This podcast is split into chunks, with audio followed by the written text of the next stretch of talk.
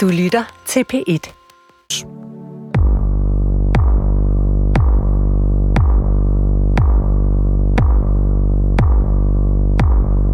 Velkommen til Ditlev og Dæmonerne. Mit navn er Christian Ditlev Jensen. Jeg er præst og forfatter.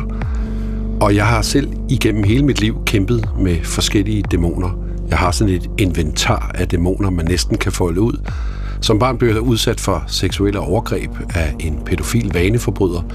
Sidenhen har jeg som voksen kæmpet med afhængighed. Jeg har været ramt af alkoholisme. Øhm, og i den her programrække, der vil jeg sammen med Christoffer Emil Brun, som er trosredaktør på DR, prøve at udfolde vores øh, kampe, vi har med dæmoner. De indre dæmoner, de ydre dæmoner, det der styrer os indenfra, det vi prøver på at bekæmpe udefra, alt det vi slås med inde og ude, alt det, der nemt bliver opfattet som noget negativt, men som måske også bare er en variation af liv, der findes i vores tilværelse. Ja, her i programmet Dit Liv og Dæmonerne vil vi opholde os ved de dæmoner, som vi ellers ofte forsøger at uddrive, enten fra vores liv eller fra vores samfund. Vi vil lukke op for dit eget inventar af dæmoner, Christian Ditlev, men vi vil også åbne for vores kollektive inventar, altså de dæmoner, som præger vores fællesskab, vores moderne samfund. Det gælder i høj grad også i dag, hvor det kommer til at handle om psykisk sygdom. Vi, Christian Ditlev og jeg selv, Christoffer Emil Brun, vil sammen være værter i den her løbende undersøgelse af livets skyggesider. Og vi vil som oftest også have selskab af en gæst. Og i dag er vores gæst Anna Jul. Du har kæmpet en stor del af dit liv med psykisk sygdom. Det, som vi jo ofte kalder indre dæmoner. Du har skrevet en bog om det, som hedder Super Skurk, og for nogle har du også kendt som klummeskriver i Weekendavisen, og så har du tidligere lavet en tv-serie her i DR, Min Kamp. Og så sidder du faktisk også i Psykiatrifondens bestyrelse. Velkommen til, Anna Jul. Tak. Kunne du begynde med at beskrive din dæmon? Hvordan ser den ud? Jamen, altså på den ene måde synes jeg, at en dæmon er et meget godt billede på det, fordi altså, når jeg ligesom, du ved, jamen jeg kan jo ikke sige, når jeg bliver psykisk syg, det er så, jo hele tiden, hver dag går det op for mig, du ved, hvor sær jeg egentlig er sådan på alle parametre, og hvor sådan hårdt jeg bare synes, alting er, og svært og nederen. Øh, men så måske kunne man kalde det sådan øh, produktivt øh, psykisk syg, eller aktivt psykisk syg. Øhm, lige i øjeblikket har jeg en sådan diagnose, der hedder skizoaffektiv, som der er mange læger, der slet ikke mener eksisterer. Så der var en anden, der var sådan, måske er du bipolar, så var jeg sådan, ja, vi stopper her. Altså, jeg er ligeglad med, hvilket ord det er. Det er blandt uvær. Lad mig være i fred. Øh, men men øh, så det er, når, hvis jeg bliver meget deprimeret eller manisk, så kan det godt, især manien, øh, føles lidt som om, at man bliver besat af et eller andet. Øh, men, men det der jo også er sådan med en dæmon, det er jo, at at den er ond. Øh, og at sådan, det virker lidt som om, at formålet er at, at drive den ud. Og det er ikke, du ved, folk er meget besat af at være sådan, ah, men måske er det også derfor, du kan skrive, at du er psykisk syg og sådan noget, det ved jeg ikke. Øhm, og, og det er ikke, fordi jeg synes, min sygdom er specielt fed, men samtidig så har jeg bare i forvejen brugt utrolig meget af mit liv på at sådan drive den væk, den der sygdom, og jeg er nået til et sted, hvor sådan, det, det tror jeg ikke, jeg vil bruge resten af mit liv på. Øh, så mere sådan en, du ved, en, en dæmon, der godt må blive derinde. Øh, og hvordan den sådan helt konkret ser ud, det er måske... Den har meget, øh, den er meget at gå på mod. Den er vældig handlekraftig. øh, og sådan på nogle punkter meget sjovere, end jeg er. Øh, og på, på andre områder meget mere træt, end jeg er. Øhm, mm. Ja. Den er med os i studiet. Det er den. Men jeg tænkte, du sagde lige noget sjovt. Du sagde, du sagde, at du er hele tiden psykisk syg. Også i dag. Øhm, og, og hvis man nu ser sådan på det, kan du beskrive, altså har du oplevet i dag noget, der var psykisk sygt, hvis man kan sige det sådan?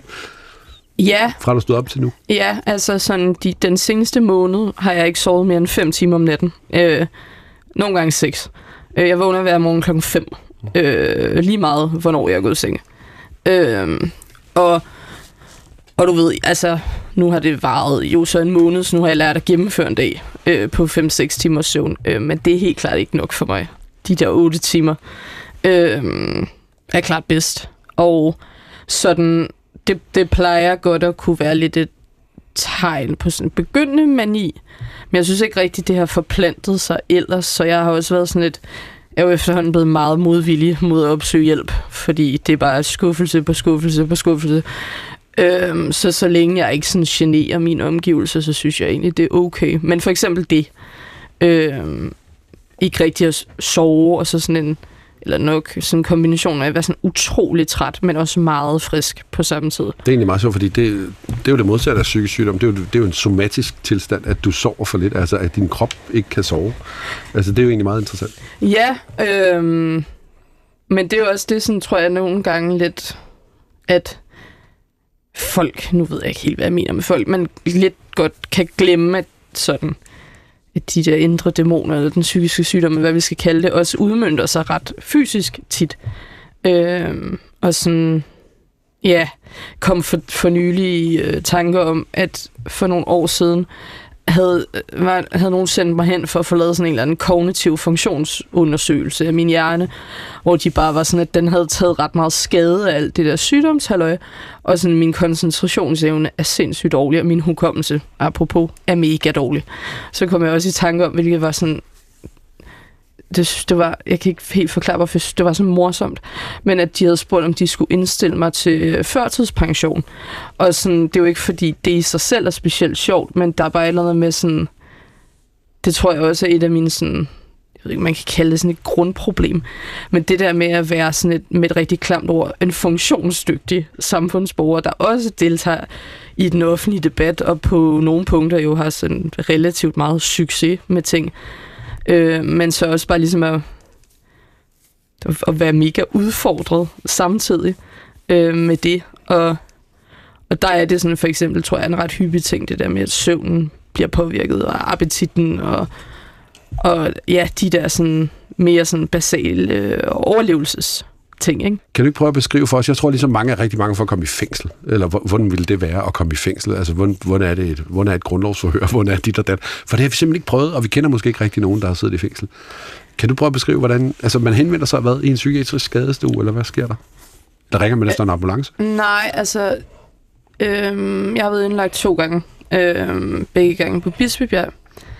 Øhm, både på den lukkede afdeling og på en åben afdeling. Altså må man ikke komme ud af den lukkede? Nej, altså ikke før du kan få sådan noget. Jeg fik tilladelse til at gå ud og spise en pizza på et tidspunkt. Men sådan, du ved, det er jo, det var faktisk også måske utrolig morsom scene. Øhm, men der skal de jo også visitere ens taske, for ligesom at sørge for, at, at du ved, øh, man, der er ikke noget, man kan begå selvmord med. Øhm, og jeg ved ikke, jeg havde bare min øh, det var min ekskæreste, der havde fulgt mig derhen, så havde bare jeg kan ikke, min skoletaske med eller et eller andet. Og sådan, det var ligesom en klovnebil, eller de blev bare ved med at hive mærkelige ting op, som de konfiskerede, og sådan, det gav mening med sådan noget oplader og sådan noget. Men så jeg havde også en eller anden, jeg havde ret meget bestik nede i min taske, det ved jeg heller ikke hvorfor. Men så til sidst så konfiskerede de en teske, og så var jeg bare sådan, hvordan er man til fare for sig selv eller andre med en teske? Mm. Øhm, som i sådan, du ved, ja, men så der, så bliver man så ligesom fuldt op, og så den første nat, så bliver der kigget til en en gang i timen, for ligesom at tjekke, om man stadigvæk er i live og sådan noget. Øhm, og... Der har du i Superskurk sådan en god pointe, som er, det tager jo ikke en time at begå selvmord. Nej, altså, det hvorfor det. kigger de hver time? Det er sådan, de skal enten kigge hele tiden, eller også skal det lade være på en eller anden måde. Ja, og også bare hele det der med sådan, altså, og det, det er jo også måske, det jeg lidt godt kan opleve, at der lidt bliver glemt. Altså, at du ved, da jeg kom derind med svære selvmordstanker, øh, sådan relativt konkrete planer, altså så det der med, at jeg kan faktisk ærligt ikke se meningen i at blive holdt i live, hvis ikke der er nogen, der ligesom fokuserer på at give en noget at leve for. Eller sådan det, altså det der med min værste mareridt at være sådan noget 93, og så bare blive pumpet op med medicin, og så skulle ligge der i tre måneder mere. Mm. Altså ærligt, det vil jeg, at det har jeg virkelig ikke lyst til. Så du lavede sådan en sjov sammenligning i Superskurk med, hvor, hvor det er... Øh, covid-19, ikke? hvor hvis man er 93, eller hvad du nu bruger, Ja, 78 præcis. eller sådan noget, Ja. og så skal man uh, bruge, uh, jeg ved ikke, hvor mange milliarder på, at man skal leve tre måneder mere, inden man så dør naturligt. Men, og du har også en sammenligning med trafikdrab, hvor, Ja. hvor man bruger tonsvis af penge på at forhindre trafikdrab, men man bruger nærmest ingen penge på at hjælpe folk, der er psykisk syge. Ja, og sådan, der er jo tre gange så mange om året, der begår selvmord, som dør i trafikken. Ikke? Mm. Og det samme med, at sådan, statistisk set dør jeg syv år før tid, altså før øh, median mm. kvinden. Fordi Øhm. hvad, et gennemsnit af selvmord og medicinering og Ja, det er altså også og fordi, jeg tror mange af de der, de der præparater kender man ikke, tror jeg, langtidseffekterne af. Og der kan man så sige, at der er jo også, du ved, som du selv siger, en stor kombination mellem øh, psykisk sygdom og misbrug, og psykisk sygdom og rygning. Mm. Og det der med, at ensomhed jo faktisk også har vist sig at være lidt af en dræber. Mm. Altså, så, så du ved, hvis man er ressourcestærk og funktionsdygtig som mig, så tænker jeg ikke risikoen for, at du ved, det, det nødvendigvis bliver mig, men bare sådan, jeg, jeg synes godt lidt, der kan blive glemt, at man kan dø af det her. Altså både Mm. det sted Altså, altså, selvmord, og sådan, men også ja. bare med alt, alt det følgelort, der kommer mm. med. Ikke? Altså Men, men når, man, når man nu er kommet ind på den der øh, afdeling, som du beskrev, at man er blevet visiteret, og man har fået taget sin bestik, som lå ned i tasken og sin teske og sådan noget, hvad er det så for et, en tilværelse, man kommer ind til? Hvad er det for en verden, du oplevede? Altså, ja, da jeg kom ud fra den lukkede afdeling, jeg nåede at være der i fem dage, og sådan, jeg tror, jeg havde fire forskellige snakke med fire forskellige overlæger, øhm, som alle sammen havde sådan lidt forskellige holdninger. Nogle en af dem, sådan en ældre mand, kan jeg huske, var meget sådan, at jeg var hysterisk, og at mine snitsår på armene ikke var dybe nok, og sådan noget, ville bare gerne have mig væk. Øhm, og jeg ville også gerne væk, fordi der er så nederen. Altså, øh, er det ikke rart at være på en psykisk? ej, det synes jeg bestemt ikke. Altså, den lukkede afdeling var jeg primært indlagt med meget psykotiske mennesker. Øhm, og der vil jeg så sige, at der mødte jeg faktisk en ret fantastisk sygeplejerske, hvilket jeg også vil sige, sådan, altså, at det bare virkelig beviser, at man som enkelt person kan gøre en stor forskel. Øhm, men, men resten af personalet på den afdeling, var det sådan noget, de satte sig på hook og snakkede til mig, som om jeg var tre år gammel Det forstår barn. jeg ikke helt. Altså, sid, sid, mens man står op, sidder de på hook? Nej, eller? så sidder man i sin seng, ja, okay. og så sætter mm. de sig ligesom Ja, på hook, eller man ligger i sin seng eller et eller andet. ligesom jeg gør med mine børn. Ja, øh, men det er det, og så er man sådan, det altså også sorry, men det er elendig mad. Og de der fællesområder er så triste. Det hele er så trist. Og da jeg så kom ud derfra, fordi jeg var sådan, jamen her, altså, jeg kunne ikke være her. Altså, jeg får det jo værre af at være her. Også fordi, og så, så tænkte jeg, at det, så det kan aldrig blive værre end det her. Og så gik der nogle år, så blev jeg indlagt på den åbne afdeling, også på Bispebjerg. Og der var jeg, altså, chokeret i min grundvold. Og der var sådan, der var to på arbejde til 10 patienter. Og, og det man jo trods alt kan sige, at den lukkede afdeling har jo den fordel, at folk er enormt svært medicineret, og derfor mest går rundt som zombier, hvilket jo ikke er særlig fedt, men der er der i mindste stille. Og, og da jeg var der på den åbne, så var det jo primært, du ved, øhm, ja, narkomaner, og, og folk, der, du ved, virkelig er, var enormt udadreagerende. Øhm, og som, altså, det var en, en Så, opbevaringscentral. så de råber og skriger. Og... Ja, altså sådan, jeg gik ud for at ryge, og så kommer der sådan en manisk dame ud, som bare snakker på mig i en time om metadon og gallesten. Og det var fuldstændig usammenhængende. Nu er det sådan en sprogperson, som har skrevet en bog, og som, også, og som har gået på filmskolen og alt muligt. Og jeg lagde mærke til det ord, at du bruger det udtryk, øh, også i bogen, at der er nogen, der taler på dig. Ja, Mm. Prøv lige at prøve, prøve at forklare det. Jamen, det betyder bare, at det er på ingen måde en samtale. Altså også fordi jeg ender med at sidde der en time, fordi jeg tænkte, "Men det var måske rart for hende, at der var nogen, der lyttede, men så til sidst var jeg sådan, det kan jeg ikke. Så bliver jeg selv psykotisk. Så rejser jeg mig op og går, hun lægger overhovedet ikke mærke til det.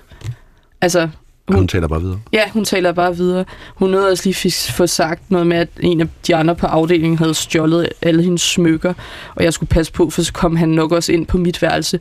Altså sådan, så det er altså også et rigtig uhyggeligt sted at være. Og det, der tænker jeg sådan, det, det synes jeg godt nok lidt er et problem, at du ved, jeg har det sådan, at jeg ikke engang Altså, jeg vil gøre alt for at undgå at komme tilbage til det sted, som på papiret skulle være det sted, jeg var, når jeg havde det dårligst. Ja, så skal mm. du et sted hen for at få det bedre. Jeg kan huske, at jeg talte på et tidspunkt med min storebror om, hvad, hvad vi havde sådan en virkelig god samtale, hvor vi snakker om sådan, hvad, hvad, hvad kunne du egentlig godt, altså, hvad kunne du egentlig godt tænke dig? Altså, hvad, hvad har du egentlig brug for? Fordi, er det medicin? Er det, vil du være sammen med din familie? Og, så videre. og han sagde, han havde simpelthen sådan brug for at være alene i et rum, der var ordentligt og rent og stille og roligt, og så hvor han bare fik tre måltider mad om dagen, mm. og så bare kunne være i fred. For eksempel i to måneder. Ja. Øh, sådan øh, en pause en øh, form for rekre- rekreationshjem eller sådan et eller andet, øh, og hvor han var fri for alle de andre, der var syge, syge, for det snakker han nemlig også om. Han var indlagt på sådan et rigtigt, øh, sag, altså dengang der var et statshospital i Nykøbing Sjælland, som var sådan virkelig hardcore. Mm. Øh, og, og han beskrev nemlig det samme, det der med, altså så skal man der ind for at få det bedre, man skal der ind for at få sin medicin og så videre, for at blive udredt og alt det der, men man skal også derind til folk, som går rundt og, og siger ting, der er uhyggelige, for eksempel. Jamen det der, der tror jeg måske, altså sådan, i virkeligheden, der vil jeg så også sige, at at hvis man kørte mere med sådan nogle differentierede afdelinger, tror jeg, altså jeg kan godt se, det ville være svært at gøre det i praksis, men man ligesom lavede forskellige man gør det også lidt nogle gange ud fra forskellige diagnoser, men også ligesom øh, aldersgrupper. Altså jeg tror i virkeligheden, jeg kunne få vildt meget ud af at møde nogle sådan jævnaldrende, øh, når jeg var indlagt. Altså nogen, der var sådan nogenlunde det samme sted i livet, fordi jeg kender ikke rigtig nogen, altså ude i den virkelige verden. Altså jeg kender jo, altså alle bakser med noget, men, men der er bare et eller andet sådan, ligesom med mange andre ting, det er sådan if you know, you know situation, ikke? Altså, mm. du ved, hvis du har været der, hvor man er sådan, nu begår jeg lidt bare selvmord. Fuck det hele. Beklager familie og venner, men jeg overgår ikke mere. Og har været set indersiden af en psykiatrisk afdeling. Det er bare nogle erfaringer, som, som er helt vildt svært for andre mennesker. Øhm, Altså selvfølgelig at forstå, fordi man kan jo aldrig forstå, når jeg forstår heller ikke, hvad det er, når man er mor, for eksempel. Det forstår jeg jo heller ikke. Øh, men, men også sådan, at du ved, der er, der, der, det er også svært for folk at høre på det. Eller sådan, man kan bare mærke, at de sådan i indre konflikt, fordi de ved, de skal lytte, men det er også bare sådan, ej, please lad være med at sige mere for så bliver jeg også deprimeret. Mm. Eller, sådan, eller bange. Ja, altså, præcis. Altså, øhm, nu holder af dig, og øh, du sidder og siger, at du ikke gider leve mere, hvad skal man dog gøre? Jamen, det er det, og det er jo også, ja. Mm. Du lytter til programmet Dit Liv og Dæmonerne, øh, og dit liv er Christian Ditlev Jensen, som er præst og forfatter, øh, og vært på det her program. Og vores gæst i dag er Anna Jul, øh, som også er forfatter til bogen Superskurk. Vi har hørt om øh, dine diagnoser, vi har hørt om, hvordan det var at øh, blive indlagt på både en lukket og en åben afdeling og livet der. Øh, og så øh, efterfølgende, altså da du så at sige kom ud, så skrev du den her bog. Øh, var det så en form for terapeutisk proces? Var det en måde, du kunne kurere dig selv? Nej, altså det er jo sådan godmorgen Danmark-mentaliteten. Altså, som jeg skulle lige til at blive sur, fordi man bliver altid ja. spurgt om, hvis man har skrevet ja. noget, der er svært. Ja. Altså, jeg har jo også skrevet nogle bøger om noget, der er svært. Hver gang man ja. har skrevet noget, et, et eller andet, der er svært, ja. så står man i et eller andet forsamlingshus bagefter, og så er der nogen, der siger, var det så en form for terapi? Mm-hmm. Ja. Og, og, så siger man, nej, fordi hvis jeg ikke havde styr på mig selv, kunne jeg slet ikke skrive nogen bog. Nej. Altså, Jamen, det, det, nu svarer har... jeg for dig, men du må selv svare. Jamen, der har de jo virkelig sådan en, what doesn't kill you makes you stronger. Og der, har Heath Ledgers rolle som Jokeren i Batman-filmen The Dark Knight jo sådan meget godt øh, citat, som er What doesn't kill you simply makes you stranger. Øhm, og sådan sandheden, måske hvis man kan snakke om en sådan, ligger nok lidt i midten. Men det man kan sige ved at skrive, og jeg vil ikke kalde det terapi, men det det dog gør, det er, at jeg er jo meget et hovedmenneske og et tankemenneske. Og der er et eller andet rart i at systematisere sine egne tanker. Altså også bare slette sine egne tanker. Altså sådan helt visuelt. Og sådan prøve at kode ned så meget. Hvad er det egentlig, jeg mener? Fordi jeg er også sådan en... Altså hver gang jeg prøver at svare på et spørgsmål, så er der tusind bisætninger. Fordi du ved, så kommer jeg i tanke om det og det og det, og tager forbehold hele tiden. Og der er det rart at kunne se det på skrift. Øhm, så det er måske en sådan... Ikke sådan terapi, men sådan lidt hjælp til selvhjælpagtigt også, ikke? Øhm, og så jo vil jeg udgive det, fordi jeg tænker, at andre mennesker også skal bruge det til noget. Altså ellers kunne jeg bare skrive til skuffen.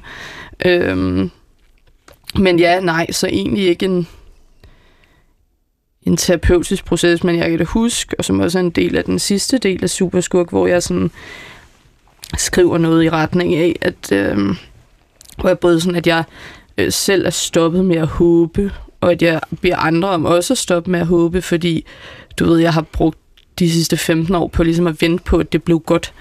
Øh, og det gad jeg ikke spille mit liv på mere. Øhm, og der, der, da jeg havde skrevet det, så føltes det egentlig som om, øhm, det var meget fredfuldt. Men nu er der så gået et år, og nu har jeg det bare på en helt anden måde. Mm. og det er ikke, fordi jeg ikke mente det dengang, og jeg kan sikkert også komme til at mene det igen. Men sådan lige i øjeblikket er jeg inde i en fase, hvor jeg bare synes, det er røvnederen. Altså, jeg synes, mit liv er så hårdt. og bare sådan, hvilket måske i virkeligheden også er sådan en, en lidt trist reminder, men også en sådan, Altså jeg tror, der kan være mange gange i løbet af et liv som psykisk syg, hvor man ligesom tænker, nu har jeg fået styr på det. Øhm, og hvis det så ramler igen, så, så, så det er ikke fordi, at det er ens egen skyld, eller ens selv, der er svag. Det er bare sådan en, du ved, altså dels nissen flytter med, men det der med også, jo ældre du bliver, jo flere nye bekymringer kommer der, og jo nye sådan, livssituationer står du i, og, og sådan, Ja, så jeg ved ikke, jeg, jeg er i hvert fald ikke sådan, jeg synes ikke, jeg er særlig fredfyldt sted. Hvis man skulle, altså hvis du skulle vælge et sted fra din bog og læse bare en passage op, så vil jeg egentlig blive interesseret i, hvad, hvad vil du så vælge? Vil du vælge noget fra det hårde, eller vil du vælge noget fra det, ly, fra det mere håbefulde? Jeg vil øh, klart vælge noget fra det hårde lige i øjeblikket. ja. øh, men det er også sådan generelt den der med, og det her kommer sikkert til at lyde rigtig irriterende, men nogle gange, jeg synes, det kunne være så rart, hvis folk roste en lidt mere for bare at være i liv. Eller sådan, altså, bare sådan en gang, man gav en en klap på skulderen og var sådan, Nå, det, det var flot, du kom igen den her dag, eller du er sød, eller du prøver at skulle opføre dig ordentligt, de der ting, ikke? Hvor det mest er sådan, hvis man udgiver et eller andet, så synes folk, det er flot at give en blomster, og, og det er det jo også, men sådan, du ved, der, der er måske nogle gange sådan lidt et ønske om sådan at kunne kommunikere sådan det der med en følelse af sådan grundsorg, grundensomhed, som bare mm. aldrig går væk. Og at øh, hver dag er en kamp. Og det er ikke fordi, at jeg ikke kan have det pisse sjovt i løbet af en dag, og at det altså, er ren tyrket elendighed det hele, men du ved, det er bare svært, synes jeg. Og, og det, øh, det, det kunne jeg godt måske nogle gange tænke mig, at folk lidt øh, huskede, så mm. jeg ikke skulle sige det hele tiden selv. Øh, Lad os høre. Ja. Så, og det er fra begyndelsen af Superskurk. Mm. Måske er det denne ondskab, blandet med denne skam og denne selvskade, der til sidst får dem til at indlægge mig i den gigantiske betonbygning med den grå æstetik, der huser sindssygehospitalet. Fra mit vindue kan jeg kigge over på de røde og gammeldags murstensbygninger, der huser de rigtige patienter, og jeg hader dem og deres kraft og deres blodpropper og deres diabetes. For denne kraft og disse blodpropper og denne diabetes går nemlig direkte ud over kvaliteten af mit ophold på sindssygehospitalet. Der er ikke længere råd til at kurere os. I stedet har man satset på at opbevare os, mens vi skriger i afmagt. Vi kommunikerer med hinanden som drager. Vi drikker rød saft og føler os underligt hjemme blandt de andre dårlige. Alle mine onde handlinger står skrevet på en papyrusrulle, som overlægen læser op fra. Han advokerer for, at disse handlinger ikke er onde, at de i virkeligheden er traumer, som jeg ikke selv er skyld i, og som jeg i stedet kan bearbejde, for alt kan bearbejdes, hvis man er modig nok, så man kan komme ud og betale skat i samfundet igen. Men jeg ved, at han tager fejl over lægen, for jeg er fortsat i daglig kontakt med satan, der minder mig om, at både mit indre og ydre er grimt. Dette afholder dog ikke overlægen fra at forsøge at finde ind til sagens kerne, mit grundtraume, og jeg hader at være på sindssygehospitalet faktisk. Jeg hader, når den dumme sygeplejerske kommer ind for at tappe mit blod, når hun hamrer en nål ind i min vene, som om det at påføre andre mennesker smerte er federe end en kaffepause. Hun lader de små dumme glas fyldes af mit blod, der ikke løber særlig godt ned i de små dumme glas, fordi jeg ikke får nok væske i løbet af dagen. Men hvorfor egentlig drikke vand, når man kan drikke vodka? Overlægen ender med at konkludere, at jeg er skingrende, bamlende syg i mit hoved.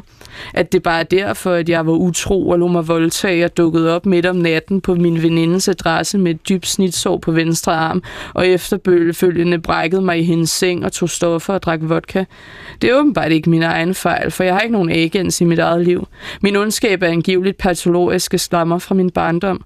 Men jeg lider så frygtelig af selvindsigt, så jeg tror ham ikke. Heller ikke, da han tatoverer diagnosen skizoaffektiv i panden på mig. Han siger, at det er derfor, jeg både er glad og sur og ked af det og græder uden sorg. Men jeg tænker bare, at skizoaffektiv ikke lyder som en rigtig diagnose. Det lyder mere som noget, man giver til en, der i forvejen er en skraldespand.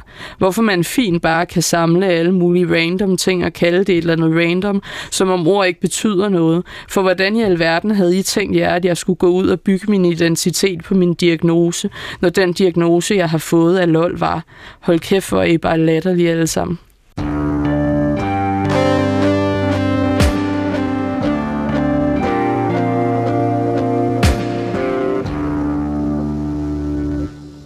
Et uddrag af bogen Superskurk, der udkom sidste år, læst af forfatteren selv, Anna Jul, som er gæst her i programmet Dit Lev og Dæmonerne. Jeg hedder Christoffer Emil Brun og er vært sammen med programmets anker, præst og forfatter Christian Ditlev Jensen. Og vores gæst i dag er altså Anna Jul, som netop har delt nogle af sine indtryk fra livet på en psykiatrisk afdeling. Både dig, Anna Jul, og, og dig, Christian Ditlev, har erfaringer med psykisk sygdom. Lad mig spørge, hvad er forbindelsen mellem den og så de traumer, som, forestiller jeg mig, ligger som en form for bagtæppe? Altså, jeg sidder, jeg sidder og tænker på noget, fordi jeg er jo også præst, og, og hvad hedder det, og du henter sådan flere gange til det, og man kan sige, jeg har tænkt på, når nu vi kalder programmet for, for noget med dæmoner, så er det jo sådan en, i moderne forstand, for de fleste i dag tænker jo ikke, at der kommer en eller anden anden sjæl eller entitet, eller hvad skal man sige, en eller anden ting, og ligesom besætter en. Men vi bruger måske ordet lidt mere om, om noget, der gør, at vi føler os besatte, eller vi, jeg, jeg har tænkt på det som noget, der styrer en. Altså som mm. sådan, jeg kan ikke lade være med at drikke, eller jeg kan ikke lade være med at, at øh, hvad hedder det, gøre et eller andet bestemt, eller jeg kan ikke lade være med at lade være at gøre et eller andet bestemt, eller altså ligesom når man beskriver selvskade for eksempel, så mm. når man er udforstående, så tænker man, det må virkelig være noget, man er føler, man er nødt til. Fordi ellers så vil... Altså det, det er jo definitionen på selvskade, mm. at, det, at det har man ikke lyst til. Medmindre der er noget, noget, der, noget i en, der har lyst til det. Mere end en selv -agtigt. Så man er på en eller anden måde to, eller splittet, eller sådan noget. Mm. Men hvis man nu sagde, at det var traumerne, der var dæmonen, det, det var måske en måde at se det på. Altså sådan, at, at, at man er besat af sine traumer, eller de styrer en. Jamen, på sin vis, ja. Men jeg tror sådan, i virkeligheden kan jeg igen meget godt lide billedet af den her dæmon, også mm. fordi jeg altid synes, dæmoner var virkelig spændende. Mm. Øh, og sådan, du ved, jeg ville meget hellere drikke en øl med satan, end med Gud, tror jeg. Øh, men men øh, det der jo lidt er med sådan, igen med dæmoner, det der med ideen om, at de kan uddrives, hvilket er lidt det samme, som jeg skriver om her, den der idé om, at hvis du bare bearbejder dit traume længe nok, øh, så forsvinder det. Og det, det er givetvis altså, måske rigtigt for nogen, og der er sikkert også nogen for hvem terapi hjælper med at, sådan, at finde en måde ligesom at, at, at forholde sig til det i sin dagligdag. Men det er igen det der med, sådan, at bare fordi man kalder det noget bestemt, så, så flytter man det ligesom væk fra en selv. Og så forsøger man lidt at parkere alle dårlige oplevelser, altså selvfølgelig varierende grad, men som noget, der ikke rigtig er en del af en. Øhm, og sådan, som generelt den der med sådan, frygten for mørket i alle instanser, og sådan det der overdrevne fokus, man har på sådan at, du ved, fucking december er den frygtelige måned, fordi folk hele tiden snakker om lyset i mørket, og nu tænder vi sterinlys, og Dangleterre pynter op og sådan noget, lad nu være. Eller, altså, og det, andre mennesker bliver glade af det, og sådan noget, det er fint. Øhm, men, men for os, der lever meget i mørket, så det, sådan kan det godt føles lidt provokerende det, nogle gange. Det er provokerende, det er ja. øhm, Men det, jeg så også vil sige, er sådan et særligt det er sjovt, at, at Lucifer er lysbæreren. Ja. så satan, satan kommer med lyset faktisk, eller det gjorde han oprindeligt i hvert fald. Men jeg har også ligesom fundet ud af, jeg havde sådan en idé om, du ved, et sort hul bare mm. var sort. Men så snakkede jeg med en astrofysiker, og det er jo, altså det, er jo det sted inde i et sort hul, er jo det sted i universet, der rummer allermest lys. Det er bare ikke kommet ud. Øhm, så sådan, det er bare det der med, at mørke og lys ikke kan eksistere uden hinanden. Mm. Øhm, og det, det, hvis man snakker om mørket, så er det altså sådan, der er lys i alting. Leonard Cohen's, det der med, at sprækker i alting, så lyset kan komme ind og sådan noget. Men hvis man snakker om lyset, så snakker man aldrig om, at du ved, man kun kan opleve det, fordi det også er mørkt nogle gange. Øhm, men, men sådan her på det seneste, så tror jeg, at, og det er måske en lidt hønen øhm, og ægget situation, om jeg havde så fucked up et årti i mine 20'er, fordi jeg var syg. Eller om det, altså, om det ligesom, det påvirkede nok hinanden på en eller anden måde, tror jeg. Men at jeg sådan, tror jeg er mere påvirket af min fortid eller mine traumer. Øhm, der er jeg generelt, jeg læste på et tidspunkt for nylig, jeg tror det har været weekendavisen, sådan, hvad den kliniske definition af traume egentlig er. Og som jeg husker det, er det sådan, vold, voldtægt, krig, død. Øhm, og derfor er jeg sådan, synes jeg, det er lidt svært ord at bruge. Øhm, fordi nogle af tingene, ja, øh, men, men jeg synes helt klart også, og det synes jeg faktisk er et kæmpe stort samfundsproblem, at der er gået inflation i brugen af ordet traumer. Altså, alting kan være et trauma mm. nu. Altså, egentlig er det jo et litterært begreb nærmest, fordi det er en metafor. Et trauma betyder sorg på græsk, ja. og øh, det er et sorg, det er dybest set sådan et, som Jesus har i siden af et spyd, for eksempel. Mm. Eller hvis man skærer sig på en kniv, så har man et sorg. Og så bruger man det jo sådan metaforisk og siger, at man har et psykisk sorg. Du har sikkert også en masse psykiske ar, mm. er der sikkert nogen, der har sagt til dig, fra din forfærdelige barndom, eller et eller andet, så har man, går man rundt med psykiske ar, som ingen kan se. Øhm, og jeg, sy- jeg synes bare, det, det, er, det er meget interessant. Men jeg kommer til at tænke på noget før, fordi en, du disser lidt i bogen uh, Mindfulness, hvilket jeg synes er sjovt. Men altså den der idé om, man sætter sig ned og ligesom bare jagter. Og hvis man nu gjorde det med, med dig selv, mm. øhm, så kunne man måske også nå frem til sådan et eller andet sted, hvor dæmonerne var der. Mm. Altså hvor de bare var der. Jeg talte engang med en, der var psykisk syg, som sagde, at, at øhm, og hun var sådan meget plaget efter seksuelle overgreb øh, i barndom, virkelig sådan ødelagt af det, og hun, og hun havde meget sådan nogle dæmoner, der ligesom kom og ligesom overtog det hele. Og så sagde hun, der var en, der havde lært hende, at man skulle give dem en lille sløjfe på, øh, og sætte dem over i hjørnet, sådan så de havde et sted at være, og så skulle man være sød ved dem, sådan så de ikke var så sure. Øh, og den der sådan, så, måde at ligesom pille dem helt fra hinanden på, som sådan en, du skal have sådan en lille butterfly på, og så kan du sidde derovre. Det var sådan en eller anden måde at ligesom sige, de er der, men jeg må ligesom civilisere dem lidt, eller jeg må lære at relatere mig til dem, eller sådan noget. Og det er jo selvfølgelig sådan en, en, en, en sjov... Øh, en sjov måde at gøre dem uskadeligt gøre dem på, eller sådan et eller andet. Men jeg synes, der er noget interessant ved det, du siger med, at dæmoner ser man, og ligesom man også gør med psykisk sygdom, som noget, der skal renses ud. Altså, det er jo også sådan en gammel kristen tanke, at man skal være eksorcist nærmest, ikke? Og, og, og få, få det onde ud. Men mm. man kan jo godt med sådan moderne syn på det sige, ligesom man gør med sorg, for eksempel, så siger man, jamen, øh, min far er død, eller min mor, min mor er for eksempel død, og det sørger jeg over hele tiden, og hver eneste dag, og det holder jeg aldrig op med. Og hvis nu jeg skulle, og hun var jo psykisk syg, så hun mm. blev kun 54, et år ældre end jeg er nu, sådan cirka. Øh, og hvis jeg skulle, hvis jeg skulle rense den sorg ud, så ville det jo være sygt.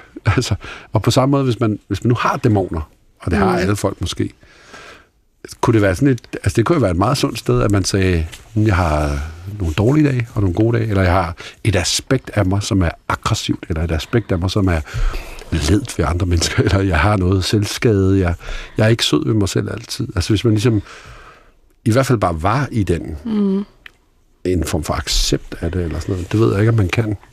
Altså, apropos sorg, øhm, man læste en del om sådan noget sorgforskning på et tidspunkt, og der har man jo ligesom, det er lidt afhængigt af, hvor i verden man er, men de fem stadier af sorg, eller de syv stadier af sorg, det var som i gamle dage ligesom sluttet med accept, og den nye model er ligesom, at du ved, man aldrig når til et sted, hvor man er sådan, det var fint nok, min mor døde tidligt, eller det var fint nok, det har sket for mig, eller et eller andet. Men så fasen lige inden at sådan rekonstruktionsfasen, hvor det er sådan et, du ved, nu skal man leve videre med den omstændighed, øhm, uden at man nogensinde behøver at synes, at altså acceptere den.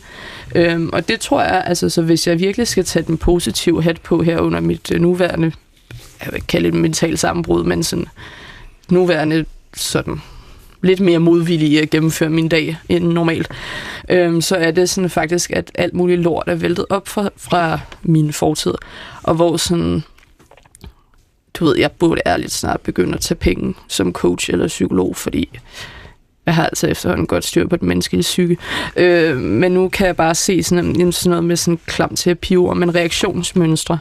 Altså sådan, fordi den der virkelighedsopfattelse er mærkelig, og fordi jeg har været i mange sådan manipulerende relationer, så har jeg, altså jeg siger undskyld for ting, uden jeg forstår hvorfor. Fordi du ved, enten er bange for, at en konflikt skal eskalere ud af proportioner, men også fordi jeg har det sådan, jeg, jeg har ikke rigtig nogen holdning til det her. Du har en meget stærk holdning til det her, så er det nok dig, der har ret. Mm. Øhm, og, og det samme med det der med sådan, det tror jeg måske godt, man kan lave en en parallel mellem sådan noget selvskade og andre former for misbrug. Det er jo faktisk en afhængighedsting, ikke? Men det der med, at jeg gør det ikke mere, men resten af mit liv, tror jeg, at du ved, jeg skal kæmpe med, at jeg har lyst til at gøre det. Mm. Øhm, Lidt ligesom uh, Christian Dille fortalte om alkoholisme. Ja, præcis. Men, øhm, men det der, du siger, at ting har væltet op fra mm. din fortid. Altså, kan du prøve at sætte nogle flere ord på det, øh, uden selvfølgelig inden for, hvad du selv har lyst til at dele? Nå, men sådan, jeg tror måske i virkeligheden, at jeg havde sådan lidt en aversion mod det der traumebegreb i lang tid, fordi det var sådan, jeg oplevede, det var, øhm, når jeg gik i terapi, i, eller blev sendt i terapi i gamle dage, øhm, eller i mange år. Og det der med, sådan, jeg på en eller anden måde, jeg synes, det var sådan lidt ydmygende. Altså sådan, at grunden til, at min dårligdom skulle være en eller anden helt konkret ting. Ja, det sad jeg også jeg ja. på. Det er en meget interessant forklaringsmodel. Altså, som strider lidt imod, at, at psyken er syg. Jamen præcis. Så altså, fordi, beskad, ja, og der er det jo hele den der arv- og miljøting, som de aldrig helt har fundet ud af, og det hele påvirker nok lidt hinanden og sådan noget inden for, for psykisk sygdom. Øhm, men så, altså, så, du ved, og det er jo sådan set underordnet, om jeg er blevet syre af at have gjort dumme ting, eller der er sket dårlige ting for mig, eller om jeg har gjort det, fordi det, altså alt, jeg har gjort op igennem mine 20 har været en eller anden form for mod og selvskade på.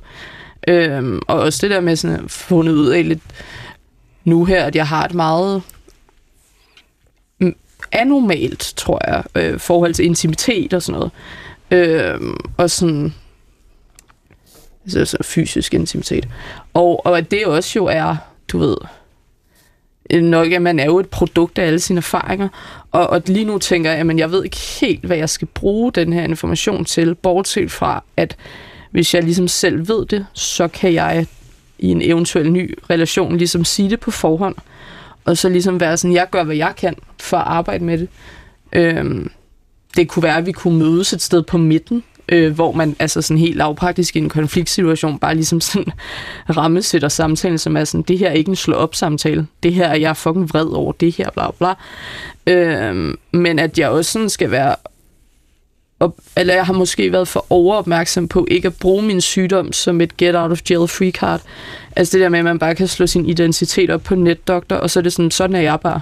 Så må resten af verden tilpasse sig mig, for det gør resten af verden ikke. Der er noget sjovt ved Superskurk, at du flere steder skriver som en eller anden ultraliberalist nærmest. Altså hvor du skriver, du skriver sådan, øh, hvor er mit ansvar i det her? Hvor, hvor, hvor, hvor, hvorfor, hvorfor skal jeg ligesom bare frikendes, fordi jeg er psykisk syg? Mm. Altså, jeg gør de her ting. Jeg, øh, altså, der er næsten et sted, hvor det er næsten som om, du skriver, jeg lader mig voldtage. Altså, eller, altså, hvor det er næsten som om, du også vil tage ansvar for det.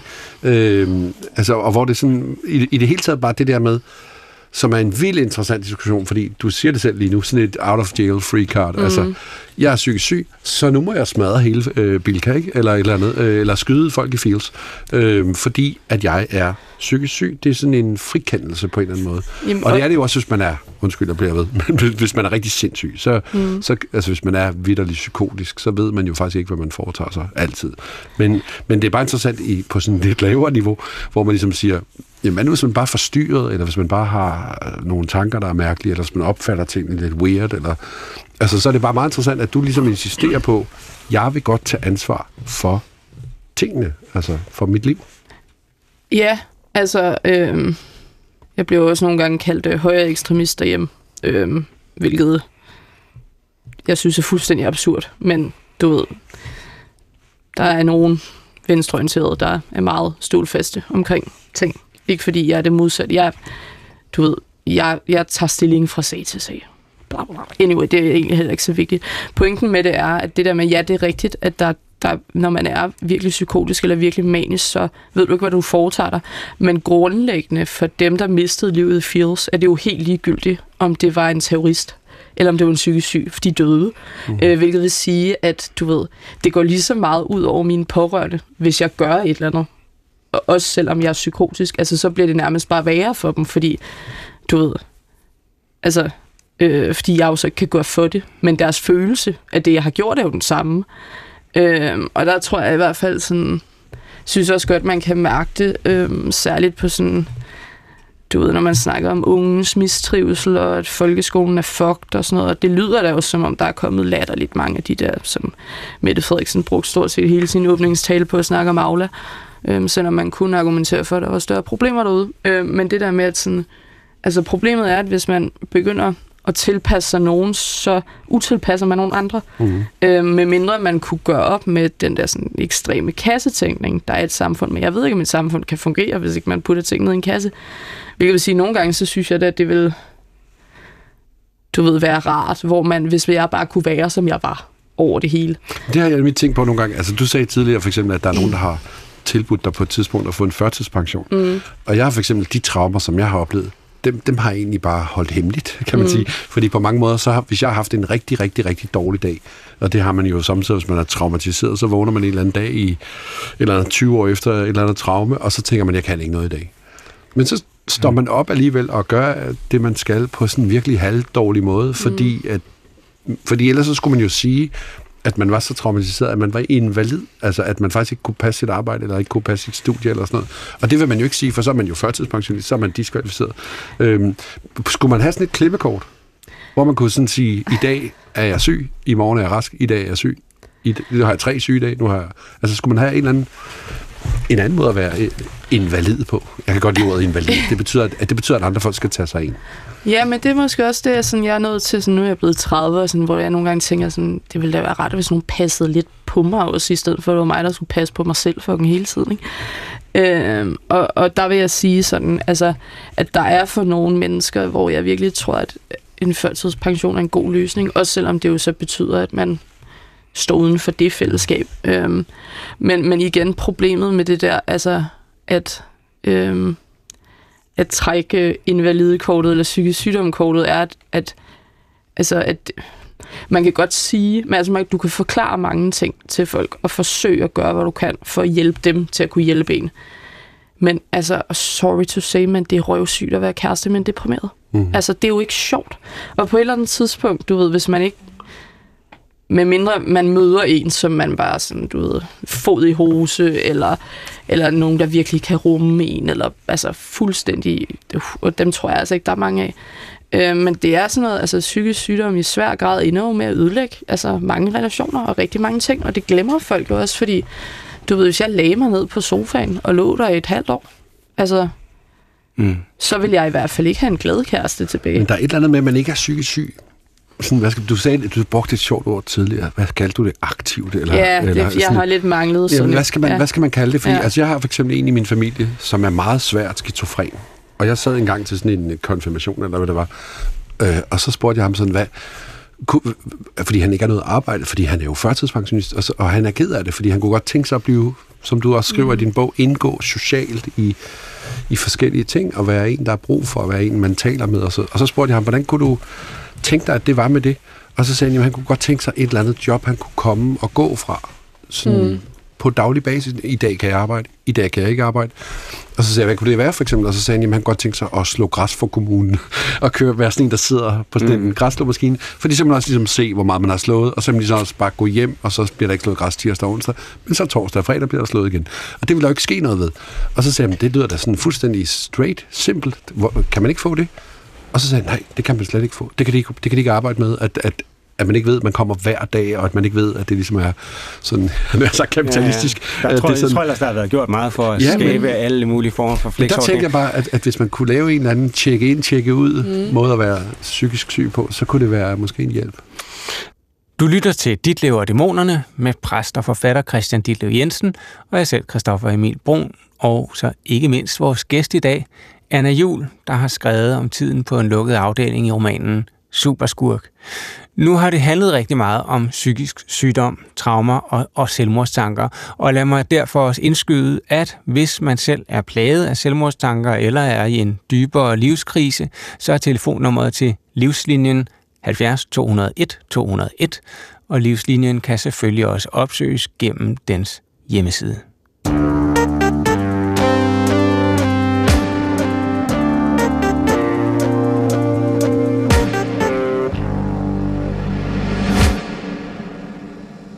Jeg blev mærke i noget, du sagde, øh, altså som, også som kan man sige, en form for forklaring på, hvad der var sket i dine 20'er, nu er du, som, som du nævnte, 30, at øh, du sagde det der med, jamen, jeg har gjort så utrolig mange dumme ting. Mm. Og det kender, jeg, det kender jeg fra mig selv, uden at jeg overhovedet er, er psykisk syg, der har været det. Øhm, og så kom jeg til at tænke på, altså nu sidder vi jo også med en præst, der er Christian Ditlev, er, er, er sådan et af de store bonmots fra, fra Bibelen af Paulus, der siger det der med, det gode, som jeg gerne vil, det gør jeg ikke. Mm. Men det dårlige, som jeg ikke vil, det gør jeg. Er det, er, er, er det at den beskrivelse, som, som Anna Juhl kommer med her, altså, og som jeg også genkender, er det i virkeligheden en almen menneskelig adfærd? Altså noget af det er, tror jeg, ikke? fordi det er, jo, det er jo sådan, det er det, der ligger i begrebet synder. Altså at man er at det ville være meget nemmere for mange folk, hvis de fra starten af sagde, jeg kommer til at lave fejl. Altså det er mm. sådan noget, statsministeren siger, når hun skal være ja, proaktiv, så siger hun, jeg kommer til at, der, der vil blive begået fejl. Det er jo en måde, det er en meget luthersk måde at sige på, hvordan man lever sit liv. Ja, der vil, nu skal vi to giftes, og øh, der vil blive begået fejl. Så har man jo allerede lavet, så har man allerede clearet sig selv på en eller anden måde. Men det er jo faktisk det, som, øh, som Bibelen gør, øh, og det er det, som, øh, som Kristus gør, siger, du må godt være et menneske. Du må godt være mm. et menneske, der laver fejl, hvis du for eksempel øh, svigter nogen eller et eller andet. Det må du godt være, bare du som en anden psykisk syg reflekterer over det, mm. og er klar over, at du er sådan et menneske, mm. som er sådan. Så man kan sige, der er to ting, som jeg hæftede mig ved. Det, det, det ene, det er, den ene er sådan en gammel 60'er-diskussion, som er, er, er psykisk sygdom. Er det bare sådan en speedet måde at være på? Altså er det i virkeligheden bare ligesom alle andre, bare på lim, ikke? Altså, mm. Eller bare sådan med, med ekstra fart på, og med ekstra mere vilde tanker, og ekstra mere sådan øh, flere svigt, flere svære at leve sammen med. Du sagde det før, at man gider jo ikke at være sammen med en, der er deprimeret. Men jeg kender faktisk nogen, der har... Min bror har haft en kone i hele sit liv, indtil han døde, og, og, øh, og hun har altid været der. Og det kan man godt, hvis man... Fordi det handler jo om i virkeligheden, at man forstår, hvad kærlighed er, tror jeg. Øh, at det kommer simpelthen bare først. Men den, men den anden ting er, og det synes jeg er noget, som er meget svært virkelig at snakke om, men du beskriver også i Superskurk nogle situationer og sådan noget, hvor man tænker, at fordi man er syg, så kommer man faktisk også ud i nogle situationer, der er ekstra svære, eller ekstra, altså hvor man bliver gjort fortræd for eksempel af folk, ikke? Fordi de, tager, de udnytter en situation. Jamen helt sikkert, og hvis man grundlæggende er lidt lige meget, altså ligeglad med sig selv, øhm, så pro- produktet eller problemet jo også, så bliver man lidt ligeglad med andre også. Øhm, og, og, og ja, jeg, jeg gør i hvert fald en stor indsats, vil jeg sige, for at gøre det gode, øhm, hvilket jeg måske sådan, prøver mere at kalde det ordentlige. Øhm, og, og der er man som, som med for, for alle mulige forskellige ting, altså så er der jo noget, der, der falder forskellige mennesker mere naturligt.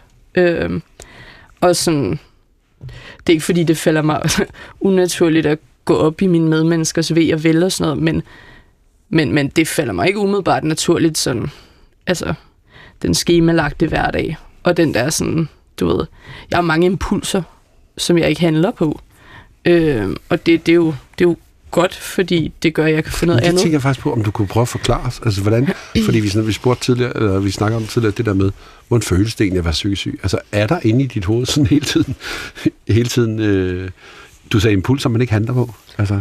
Ja, det vil jeg sige. Mm. Altså også fordi jeg har en eller anden sådan, igen det der med at tænke meget over tingene.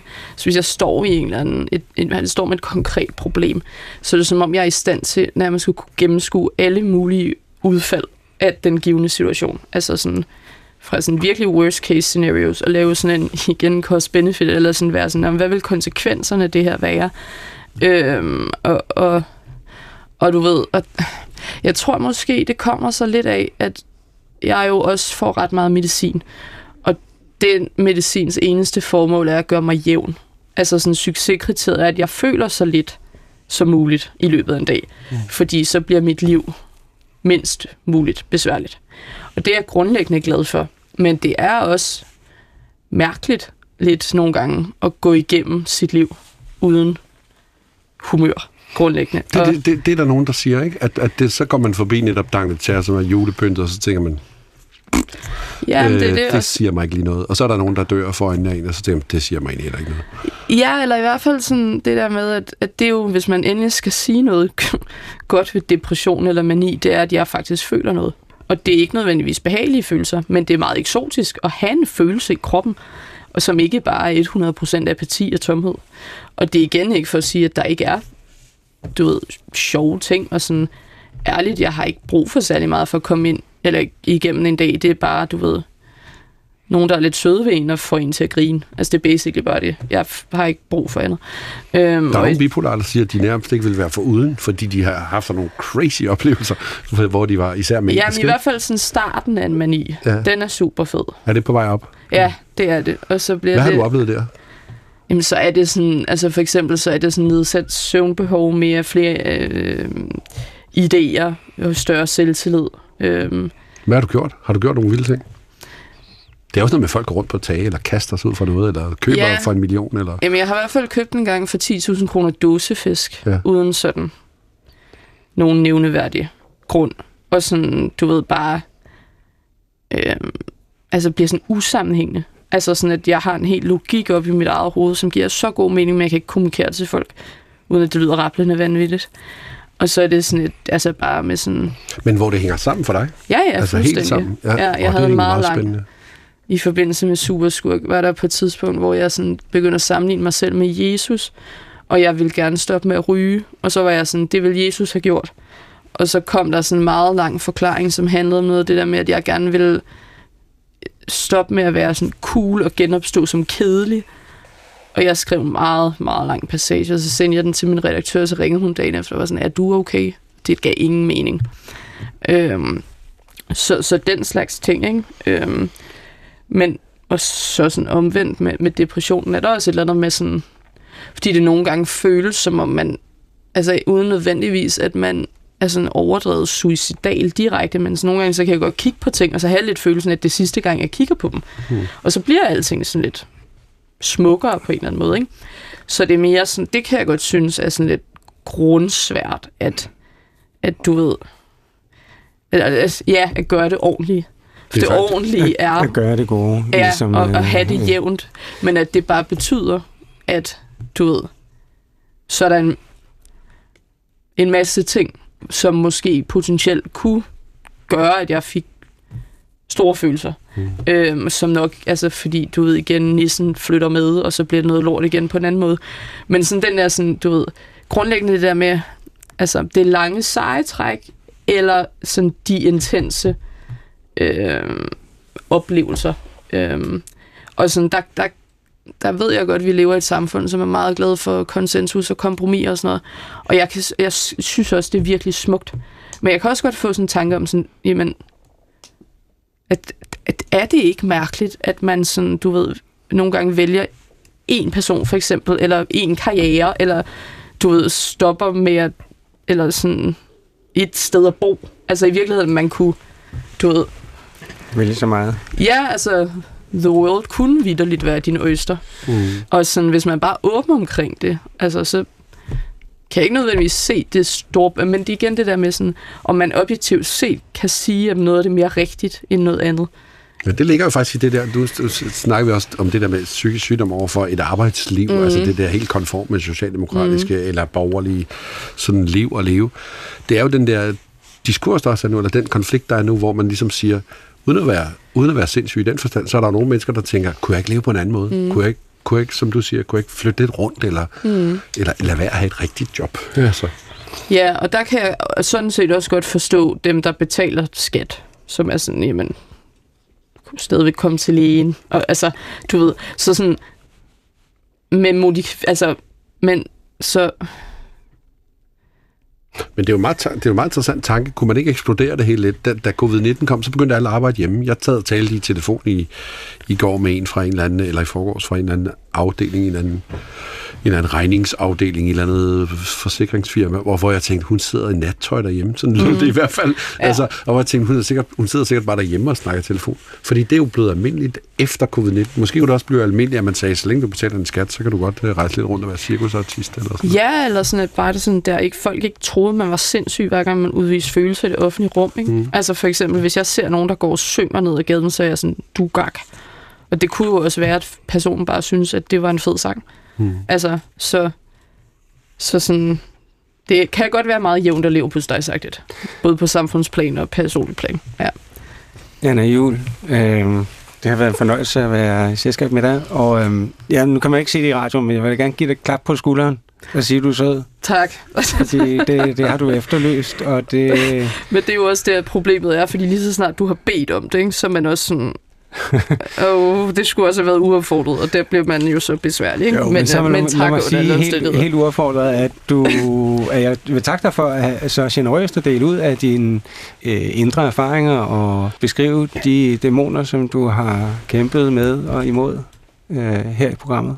Må jeg sige en afsluttende ting? Selvfølgelig.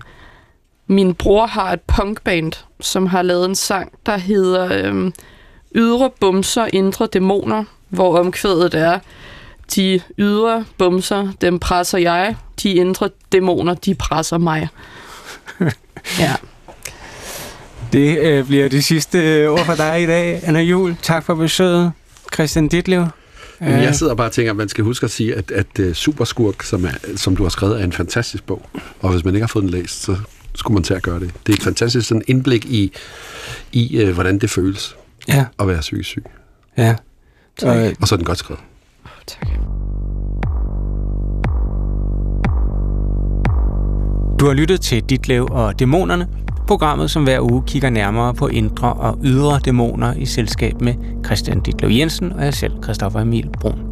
Programmet sendes på P1 her lørdag eftermiddag mellem 3 og 4, og kan naturligvis også lyttes som podcast via DR Lyd.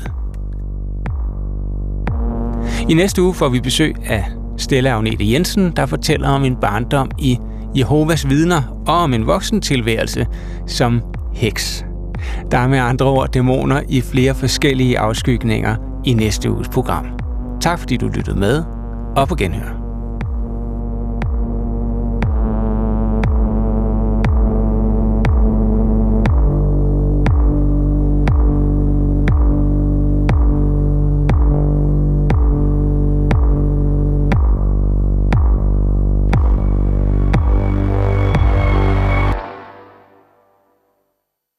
Det er det vildest beliggende atelier, jeg nogensinde har haft.